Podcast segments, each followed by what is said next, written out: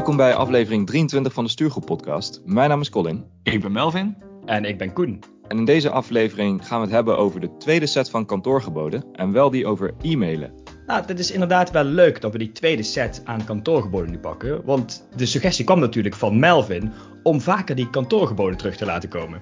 Ja, en dan ook nog eens over een van mijn all-time favorite activiteiten, e-mailen. Heerlijk. Ja, dit is wel een onderwerp wat wat mij betreft ons op het lijf geschreven staat.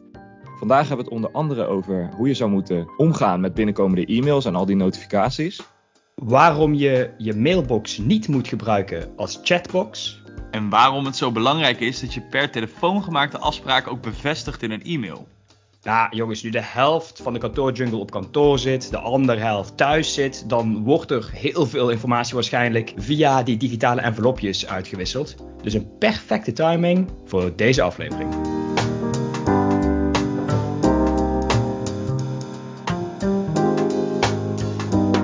Goed, weer een nieuwe aflevering van de Stuurgroep podcast. Dat wil dus ook zeggen een nieuwe stand van de kantoorjargon Boetepot. Melvin, jij bent onze man van de definities. Even in het kort, wat houdt dat eigenlijk in? Ja, dus voor de mensen die denken, wat is de kantoorjargon boetepot? Waar hebben die gasten het over? Nou, op www.stuurgroep.nl vind je onder het kopje boetepot een opsomming van alle woorden die wat ons betreft onder kantoorjargon vallen. Dat betekent dus dat als wij tijdens een aflevering of op een onbewaakt ogenblik ergens buiten die aflevering termen gaan noemen als ergens tegenaan bemoeien of eventjes uit willen zoomen, dat is als je geen cursus fotografie doet, dan moeten we bij Melvin op het matje komen. Ja, en ook uh, vorige week ging het weer erg lekker, want er zijn weer acht hele pareltjes voorbij gekomen. We hebben het gehad over gemanaged worden en de status quo challenge. Maar eentje die er bijna doorheen glipte, dat was momentum creëren. Colin, jij houdt van momentum creëren. Ja, ik uh, heb erover nagedacht. Ik werd natuurlijk uh, weer door jou netjes op de vingers getikt van... Goh, Colin, dat, dat was er inderdaad weer één. Ja, momentum creëren. Dat, het, uh, dat je de organisatie om je heen... dat je voelt dat alles in beweging komt... en, en in een bepaalde richting in begint te bewegen. Ja, dit, dit klinkt zo vaag. maar ik denk dat momentum creëren uh, ook wel een beetje vaag is... tenzij jullie daar een betere definitie voor kunnen geven. Laten we het hierbij houden. Ja, en uh, daarnaast hebben we nog een dilemma die we graag willen voorleggen aan de luisteraars. Want ergens energie van krijgen. Kijk, ja, het is gewoon normaal Nederlands, maar het is wel echt om jeuk van te krijgen. Dus ja, beste luisteraars, zeg het maar. Met de aanvullingen van de vorige aflevering staat de boetepot in ieder geval nu op 48 euro. We gaan alweer echt veel te snel richting die 100 euro. Ik hoop dat er een volgende borrel al in de agenda staat. Ja, toch? Zeker weten. Medio november hebben wij weer een reality check ingepland staan. Daarmee gaan we waarschijnlijk weer hard onder ogen krijgen hoe hard wij falen in onze ambitie om al dat kantoorjargon te minimaliseren. En daarover gesproken, Colin, voordat we van start gaan. Er is nog een mooi verhaal van een luisteraar binnengekomen. Want een collega van ons was geïntrigeerd door het onderwerp risicomanagement. En heeft naar aanleiding van die aflevering ons ook een, een berichtje gestuurd. Hij gaf aan dat we sowieso, uh, Colin, een veel te brede definitie van risico's hanteerden. En dat hij eigenlijk uh, helemaal gek zou worden als dat de definities er zijn qua checks die we dan met elkaar zouden moeten doen. Daarnaast werden we ook op de vingers getikt voor het gebruiken van Miro. Want ja, als dan nog iets gecheckt moet worden vanuit risicooptiek, dan is dat een ja, een internationale applicatie wel waar je geen idee van hebt waar, waar je gegevens heen gaan. Hoe safe is dat immers? En hij wist op een vriendelijke, subtiele manier ons te vertellen dat we eigenlijk een stelletje sukkels zijn. Dat we onze kantoorjargon niet wisten te minimaliseren. Hij kwam met hele goede Nederlandse alternatieven voor een hele hoop woorden die wij gebruikten. Dus ja, bij deze bedankt voor een reactie. Uh, we bellen je nog voor het risico-assessment voor het gebruik van Miro. En uh, Colin die gaat alvast een Excel-sheet daarvoor voorbereiden. Ja, ik moet zeggen, ik, ik vond het wel een terecht punt hoor, zeker over die definitie. Weten jullie nog dat ik in de voorbereiding ook voorstelde om een ja, toch wel iets meer concrete definitie van hè, dit is wat we als risicomanagers in het vak nou bestempelen als een risico. Maar Koen die vond dat een beetje te veel theoretisch geneuzel. Kijk hier het resultaat, meneer Deurlinger. Kijk jongens, uh, ik hoor wat jullie zeggen. Uh, ik hoor wat onze luisteraars zeggen. Tegelijkertijd zijn we natuurlijk een echte stuurgroep. Wij hebben ons expertadvies ingewonnen. Dat leggen we nu keurig naast ons neer. En we doen lekker ons eigen ding. Dus wij gaan lekker van start met de aflevering van vandaag. Ja, dat is een goed voorstel, Koen. We gaan het vandaag natuurlijk hebben over e-mails. Ik ben wel even benieuwd. Wij beginnen altijd bij het begin. Hoeveel mails komen er op een dag binnen en, en hoeveel gaan eruit? Ja, zo, daar vraag je me wat. Ik denk sowieso dat er meer uitgaan dan dat er binnenkomen. Dat zegt misschien al genoeg van mijn kant. Ja, wat zal het zijn? 50, 60? Ik heb geen idee, Koen. Zo, ja, ik, ik zit denk ik in dezelfde contraien, rond de 50. Maar je ziet dan het verschil in rang. Bij mij komen er echt wel meer binnen dan wat eruit gaan. doe ditjes, doe datjes. Inderdaad, maar Colin, hoe, hoe zit het voor jou dan? Nou ja, in de projectenorganisatie, ik pak hem gewoon weer. Daar heb je natuurlijk te maken met, met best wel uh, ja, wisselende dynamieken. In die zin dat je soms tegen een deadline aanwerkt. En soms heb je gewoon even de, zit je in wat rustiger vaarwater. Hoop je um, minus dus. tegen een deadline aanwerken, rustiger vaarwater. Oh, fantastisch. Ook goedemorgen. um, dus ja, voor, voor mij is dat echt totaal verschillend. Ik heb dagen dat er soms gewoon helemaal niks binnenkomt. Dan, dan, dan check ik ook af en toe of mijn telefoon niet op vliegtuigmodus staat. Want dan krijg ik ook ineens geen belletjes. Dan voel je ineens heel onbelangrijk. Maar ik heb ook dagen dat ik na het weekend mijn laptop aandoe. En dat er gewoon 70 mails in die inbox zitten. Ja, laat het gemiddelde ergens tussen de 20 en de 40 zitten. Dan komen we op 30 uit dus. Uh, laten we het houden bij 30. Lekker Colin. Hey, ik vond het wel, uh, wel fijn om in die vorige aflevering over kantoorgeboden te eindigen met de gij zult-achtige geboden. Die formulering die, uh, die geeft mij wel aan. Ik heb er een paar voor jullie voorbereid daarom. En ik ben vooral benieuwd in hoeverre jullie nou wel of niet volgens die geboden te werk gaan. Of wat je om jezelf heen ziet gebeuren. En in die aflevering over millennials bleek dat wij niet per se een hele grote concentratieboog hebben. Koen, jij had even netjes gegoogeld. Hè? Wat zijn nou de kenmerken van een millennial? Eén daarvan was, wij hebben niet een hele grote concentratieboog. Maar wat dan natuurlijk niet helpt, is als je het over e-mails hebt, is wanneer je continu wordt afgeleid door allemaal notificaties die steeds binnenkomen. En daarom luidt het eerste gebod als volgt. Gij zult niet continu worden afgeleid door notificaties of in ieder geval door binnenkomende e-mails. Hoe is dat voor jullie? Heel slecht. Gedurende deze aflevering zijn er al drie notificaties van e-mails rechtsonder in mijn beeld binnengevlogen. En ik kan nou heel stuur zeggen, ik heb er echt niet naar gekeken, maar ik heb toch zeker de titel van ieder van die gelezen. Het kriebelt dan toch wel een beetje dat je denkt, oeh, moet ik daar nou iets mee of niet? Dus ik vind het een zeer goed gebod, maar ik hou me er zelf echt ontzettend slecht aan. Weten jullie nog dat ik op een gegeven moment, ik weet niet meer welke aflevering dat was, maar dat ik jou, volgens mij Koen, toen de tip heb gegeven om al die notificaties juist uit te zetten om dit te voorkomen? Dat jij toen ook zei, dat is een goeie. Dat ga ik na deze opname direct doen. En dat je dat dus blijkbaar niet gedaan hebt? Nou, even correctie. Dat heb ik zeker wel gedaan. Maar in de tussentijd is mijn laptop ook alweer een keer gecrashed. En heeft hij een hele, hele reboot gehad. Dus ik heb alle standaard instellingen weer. Ah, ja, ja. Ik, ik, moet, ik kan uh, bekennen dat mijn laptop inderdaad vorige week ook opnieuw geïnstalleerd is. En dat ik toen helemaal lijp werd van de eerste half uur dat mijn laptop weer aanstond. En er allerlei belletjes afgingen. Dus ik, uh, ik heb het gelijk weer uitgezet. Ik kan het je aanraden. Ja, ik, Koen, wat jij zegt, het is een fantastisch gebod. Alleen, uh, ik hou me er in dit geval trouwens wel aan. Want ik zie in ieder geval de notificaties niet op mijn scherm binnenkomen. Dat is één ding. Maar ik werk quote-on-quote uh, multi-device. Dus ik zie dat dan op mijn telefoon binnenkomen. Dus als die rechts ligt, zie ik ze daarop uh, opploppen. Dus ja, het ene kanaal is uitgezet, het andere kanaal, dat werkt nog hartstikke goed. Dus ik uh, hou me er ook niet al te best aan. Ik ga jou uh, met iets verbazen, Melvin. Maar ook op je telefoon kun je blijkbaar notificaties uitzetten.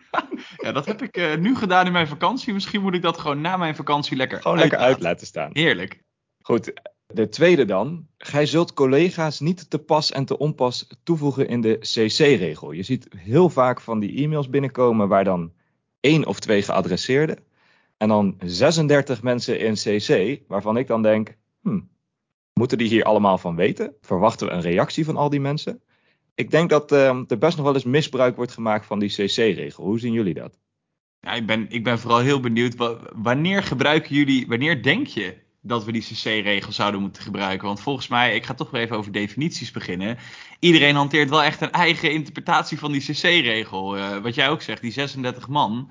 Met welk, in godsnaam, welke intentie flik je 36 man in een CC?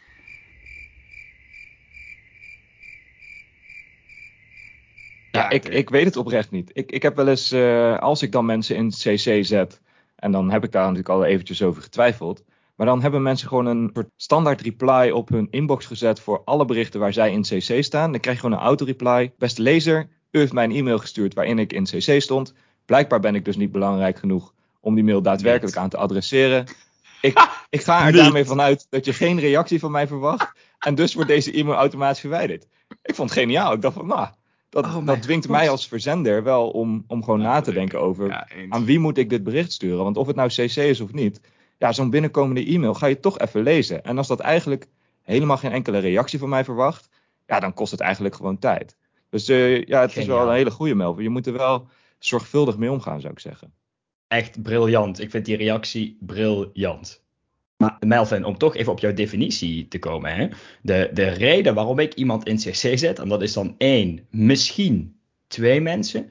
Dat is opdat ik het onderwerp waar het over gaat, dat ik dat al een keer met ze besproken heb of iets dergelijks. En dat ze nu toevallig hier niet bij waren. Maar ze moeten er wel van ja, over geïnformeerd worden. Want ze zijn wel met dat onderwerp bezig. Dat is dan de reden. Maar 36 man. Ik, eh, ongelooflijk. Maar ik, eh, wat, wat ik ook merk, misschien dat, uh, dat dit gek is. Maar het groeit. Dus het begint vaak op een één op één mailwisseling. En dan komt er één iemand in het CC. En dan opeens vijf nieuwe mensen. Dan weer vijftien nieuwe mensen. Ik heb, ik heb zo wel een paar van die mooie gesprekken, moet ik bijna noemen. Ja, hele boeken ook in, in, uh, in de e-mail inbox liggen. Waarbij het aantal mensen is gegroeid van 2 naar 30. En dat in de loop van ja, drie weken of zo. Ja, ja heel, heel herkenbaar. Dus ik denk voor de luisteraars, wees gewoon even heel bewust van waarom je iemand in CC zet. Is dat om iemand te informeren? Ik stuurde laatste mailtje naar HR en daar moest mijn manager van weten. Hop, dan ging mijn manager in CC, weet je wel, dat soort dingen. Maar wees je gewoon wel even bewust van waarom gebruik je nou die CC-regel. En, en zet daar niet allemaal mensen bij waar je ook eigenlijk helemaal niks van verwacht. Dat leidt alleen maar af. Goed, de derde dan. Het gebeurt natuurlijk best wel vaak dat je, dat je een belletje krijgt van iemand. Eh, je maakt een afspraak, je neemt een besluit of wat dan ook. Maar ja, goed, van een telefonische afspraak worden natuurlijk geen notulen gemaakt. Dus daarom zou het volgende gebod wat mij betreft moeten zijn. Gij zult telefonisch gemaakte afspraken of besluiten altijd per mail bevestigen wanneer er geen formele notulen worden opgesteld. Dit is natuurlijk iets, daar kan je het eigenlijk bijna niet mee oneens zijn. Maar ook hier ben ik dus vooral benieuwd naar hoe jullie dit wel of niet toepassen. Het is wel een uh, risico-mitigerende maatregel. Hè? Dat, oh uh... Ja, eens. eens. Je zegt, je kan het hier bijna niet meer oneens zijn. Het ergens, ergens diep in me ben ik het ermee oneens. Want als ik met iemand bel, en het is, het is gewoon met één persoon, niet in een groep of zo. En we maken een afspraak, dan vind ik het ook wel niet echt een blijk van vertrouwen. Als ik het daarna ook nog een keer per mail ga bevestigen, hey, dat hebben we net afgesproken. Tegelijkertijd ben ik het hier wel helemaal mee eens, want ik ben nou een paar keer ook wel ja, goed in mijn gezicht gegaan, doordat mensen al dan niet bewust dingen zijn vergeten die inderdaad afgesproken zijn via de telefoon of via een, uh, via een Teams belletje. Uh, waar ik zelf dan behoorlijk wat last van heb gehad. Dus ik, uh, het, met pijn in het hart ben ik het eens met dit gebod. Ja, ook al, ik ben het met je eens. Hè, vanuit goed vertrouwen naar elkaar zou je eigenlijk willen dat dit niet nodig is. Maar goed, zo'n belletje is misschien ook net even aan het einde van de dag. Of hoewel we allemaal mono rijden, net vanuit de auto. Weet je, dat soort dingen. En dan, dan schiet het er nog wel eens bij in. Dan zit je eens een keer in een volgend overleg. En dan, uh, dan wordt bijvoorbeeld datzelfde punt weer ter discussie gesteld. Nou, dan, dan helpt het mij. Als ik gewoon even terug kan scrollen in die mailbox en kan zeggen van... hé hey, kijk, we hebben de, dit belletje laatst gehad. Hier is een besluit over genomen. We hebben al daar al een afspraak over gemaakt. Pietje Klaasje gaat ervoor rennen. Uh, niks aan de hand. Dus ik gebruik dit zelf altijd wel. Ik leer dit ook altijd startende medewerkers aan. Niet van zo, zo moet je het doen, maar gewoon dat het ze enorm kan helpen. Dat, er niet, ja, dat je niet continu dezelfde gesprekken eigenlijk aan het voeren bent met elkaar. Ja, ik, ik ga hier toch wel een beetje mee op wat Koen eigenlijk zegt. Want inderdaad, idealiter wil je dit gewoon helemaal niet doen. Ik merk aan mezelf dat ik het op een bepaald moment, als iemand het niet heeft gedaan, dan ga ik wel verwijzen naar, joh, hier hebben we twee weken geleden gewoon over gebeld. Ja. Ik, ja, het is dan inderdaad handig. Het hangt ook een beetje af met wie of wat voor afdeling of een externe partij of whatever. Of het inderdaad ook nog op schrift dan uh, bevestigd moet worden. Maar eigenlijk zou ik het van nature niet eens willen doen. En is dit voor mij alleen maar onnodige administratie. Maar ik snap het doel ervan. Dus ik kan me wel, uh, ik kan me wel vinden in dit gebod, maar met een uh, gezonde portie tegenzin. Ja, ik, ik, ik, denk ook dat het niet allemaal dingen zijn die we, waarvan we per se zeggen, hier zijn we groot fan van. Maar dat het ook de samenwerking in de kantoorjungle vooral bevordert. Dus uh, wat dat betreft uh, denk ik dat die er goed bij past. Het vierde gebod dan. Gij zult uw e-mail niet gebruiken als een chatbox, want daar hebben we tenslotte tools als Teams of WhatsApp voor. Weet je wel, van die e-mails met uh, drie woorden. Hoe gaat het? Nou ja, dat, dat dan net niet. maar, maar, wel van die, van die hele korte gesprekken die je echt vroeger op MSN had. En dat dan de hele tijd mailtjes heen en weer gaan. Dat is niet te doen. Ja, ja, nee, dat is niet te doen. Maar houd het wel leuk ik, ik, ik, stuur af en toe wel nog van en dan gewoon een, een, gifje of een plaatje naar een collega als hij op een of andere mail op een bepaalde toon reageert. Dat ik denk, oh, hier kan ik wel even, even grap over maken, één op één. naar, naar hem toe. En dat gebeurt dan ook wel eens per mail, moet ik toegeven. En dan heeft het wel dat, dat MSN-karakter wat je zei, Ja, dat, dat, dat heeft het dan wel. Maar dit, dit ga je niet doen, inderdaad. Weet ik veel wat. Als ik in gesprek ben met een, eh, met een leverancier, dan gaan we inderdaad niet mailen met iedere keer één regel over en weer. Dan, nee, want dat- dat, bedoel ik meer. Dat bedoel ik nee, oké, dan, dan helemaal eens. Want dan heb je ook, dan is er opeens geen, geen aanhef meer, geen afsluiting. er wordt niet echt een punt ingemaakt. Het is gewoon, hier heb je drie woorden of een eh, grappig kattenplaatje. bekijk het ermee. Dus ja, dat, dat, dat lijkt me inderdaad niet de bedoeling. Maar informeel met collega's, ja, haal ik daar nog wel eens een grap over uit, hoor. Ja, soms is dat momentum gewoon gecreëerd, weet je wel. Kijk, nu kan ik Oh het nog mijn even gebruiken. Soms is dat momentum gecreëerd en dan moet je daarin meegaan met elkaar. Kijk, zo gebruik je hem, snap je? Het is de eerste keer dat ik momentum creëren ook heel natuurlijk in een zin heb gehoord. Ja, wauw. Oh, Melvin, is, is, het voor jou, eh, is het voor jou echt een mailbox of is, wordt het stiekem soms ook wel een chatbox? Nee, het is, eh, het is echt wel een mailbox. Alleen je moet inderdaad soms wel ook gewoon even nadenken over als bepaalde dingen in relatief korte e-mailtjes eh, in korte tijd over en weer gaan, dat je toch even moet bellen. Maar ik durf niet te zeggen Dat dat, zou die e-mails ja. dan daadwerkelijk chatjes zijn. Maar je moet er wel voor waken. Zeker als je ja, een beetje heen en weer aan het tikken bent met elkaar, dan kun je beter overschakelen naar Teams, bellen of weet ik veel. Terecht. En weer tikken. Heen en weer tikken. Dat, is gewoon, eh, dat, dat doe je toch met pingpong of niet? Maar, Exact. Maar, Exact. maar Melvin, ik hoor dus wel dat, dat jij het stiekem ook doet. Toch? Nou, eh, nee, niet, met, niet met de mailtjes die Colin net aanhaalde met drie, vier woorden. Maar eh, er zijn bij mij genoeg mailtjes die twee, drie, vier regels groot zijn. Waarvan ik denk dat is gewoon even makkelijk als dat nu op de mail gaat. Want je zit de hele dag in een meeting. Maar dan is het uiteindelijk wel handiger om gewoon Teams te gebruiken. Dus ik maak me hier inderdaad wel eens schuldig aan. Dat is misschien ook de reden dat er bij mij iets meer mailtjes verstuurd worden. Dan dat er misschien binnenkomen. Ja, Ehm, maar goed. Twee, drie, vier regels, daar zou je ook van kunnen zeggen, je bent gewoon to the point. En het vijfde gebod is namelijk een beetje de andere kant van de medaille dan wat we net bespraken. Namelijk, en Koen, ik hoorde jou net al bijna zeggen boekwerken. Namelijk, gij zult geen romans schrijven in uw e-mails. Soms krijg je van die epistels langs, dat je echt denkt halverwege van, ik ga even koffie halen. Niet Ja. door te komen. Maar dan wel, en dat, dat is dan het ergste, dat er verspreid door die hele e-mail echt wel belangrijke dingen staan. Maar dan moet je dus echt bijna die mail even printen, gaan markeren van wat zijn dan de, de belangrijke elementen, zodat je niet helemaal verdwaald raakt in al die, ja, die woordkots die je dan in je inbox hebt zitten. Ik maak mij hier schuldig aan, want Colin, jij bent, de, jij bent eh, de, ja, een van de eerste, misschien wel de enige die heeft gezegd dat ik mogelijk dan to the point kan zijn. Want dat is wel gewoon een, eh, dat is een dingetje bij mij. Maar een schrijven, dat kan ik wel aardig goed. Alleen ik heb mezelf wel aangeleerd inderdaad om het iets meer leesbaar te maken de laatste, laatste jaren.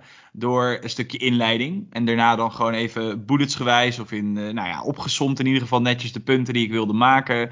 En dan een stukje afsluiting. Alleen bij elkaar opgeteld kan dat er wel uitzien als een, eh, als een roman. Ik bedoel, eh, mijn mailtjes zijn over het algemeen niet van hele korte aard. Maar dat doe ik zelf met het doel dat ik graag zo volledig mogelijk wil zijn. Maar waar ik weer bang voor ben, zeker als je drie man mailt, dat eentje dan terugmeldt: Hallo, ik snap niet wat je hier zegt. Dan heb ik liever dat ik het in één keer goed doe, maar dan neigt het wel snel naar een, eh, naar een roman. Dus eh, suggesties zijn welkom. Mag ik je een tip geven dan, Melvin? De volgende keer dat je dat doet, hè, want dat je die samenvatting in bullets doet, daar, daar ben ik al heel erg blij mee. Weet ik veel, de, dit, dit zijn de punten die ik wil maken, of dit zijn uiteindelijk de besluiten die we genomen hebben. Zet dat dan in die e-mail en voeg gewoon een, een Word-documentje. Ik ga niet het woord memo hier gebruiken, maar voeg een memootje toe. Doe ik toch maar even. Een memootje toe waar, waar zeg maar de, de argumentatie in staat. Hoe gekomen tot die punten. Want de meeste mensen hebben gewoon genoeg aan die samenvatting in bullets. Daar gaan ze mee aan de haal. En degene die dus zeggen, ja, ik begrijp het niet, ik wil graag de achtergrondinformatie kennen, die kunnen mooi even die bijlagen openen en even door het Word-documentje scrollen van, hé, hey, hoe kwam Melvin precies tot punt 3? Klaar. Maar het helpt gewoon niet als je mailbox vol zit met allemaal van die ellenlange berichten. En dan, dan nog, hè, die roman waar je naar refereert, zelfs als je dat dan in die bijlage of zo stopt, dan werkt het alsnog niet. Ik, ik werk ook met eh, heel erg vakinhoudelijke mensen samen. En dan gebeurt exact wat jij beschrijft, Colin, dat ja, en ergens in dat lange verhaal staat de informatie verstopt die ik nodig heb. Maar het, het komt niet tot een punt. Het is zeg maar een roman zonder punt. Het is gewoon een woordenspaghetti. En daar heb je dan ook niks aan als je dat netjes in de, in de bijlage Nee, stopt. inderdaad. Het- Dus ik, nee, ik, zou je wel willen, willen. Ik herken het heel erg. En het, eh, het zorgt ervoor dat ik inderdaad ook af en toe op mails ongeveer ben af het studeren.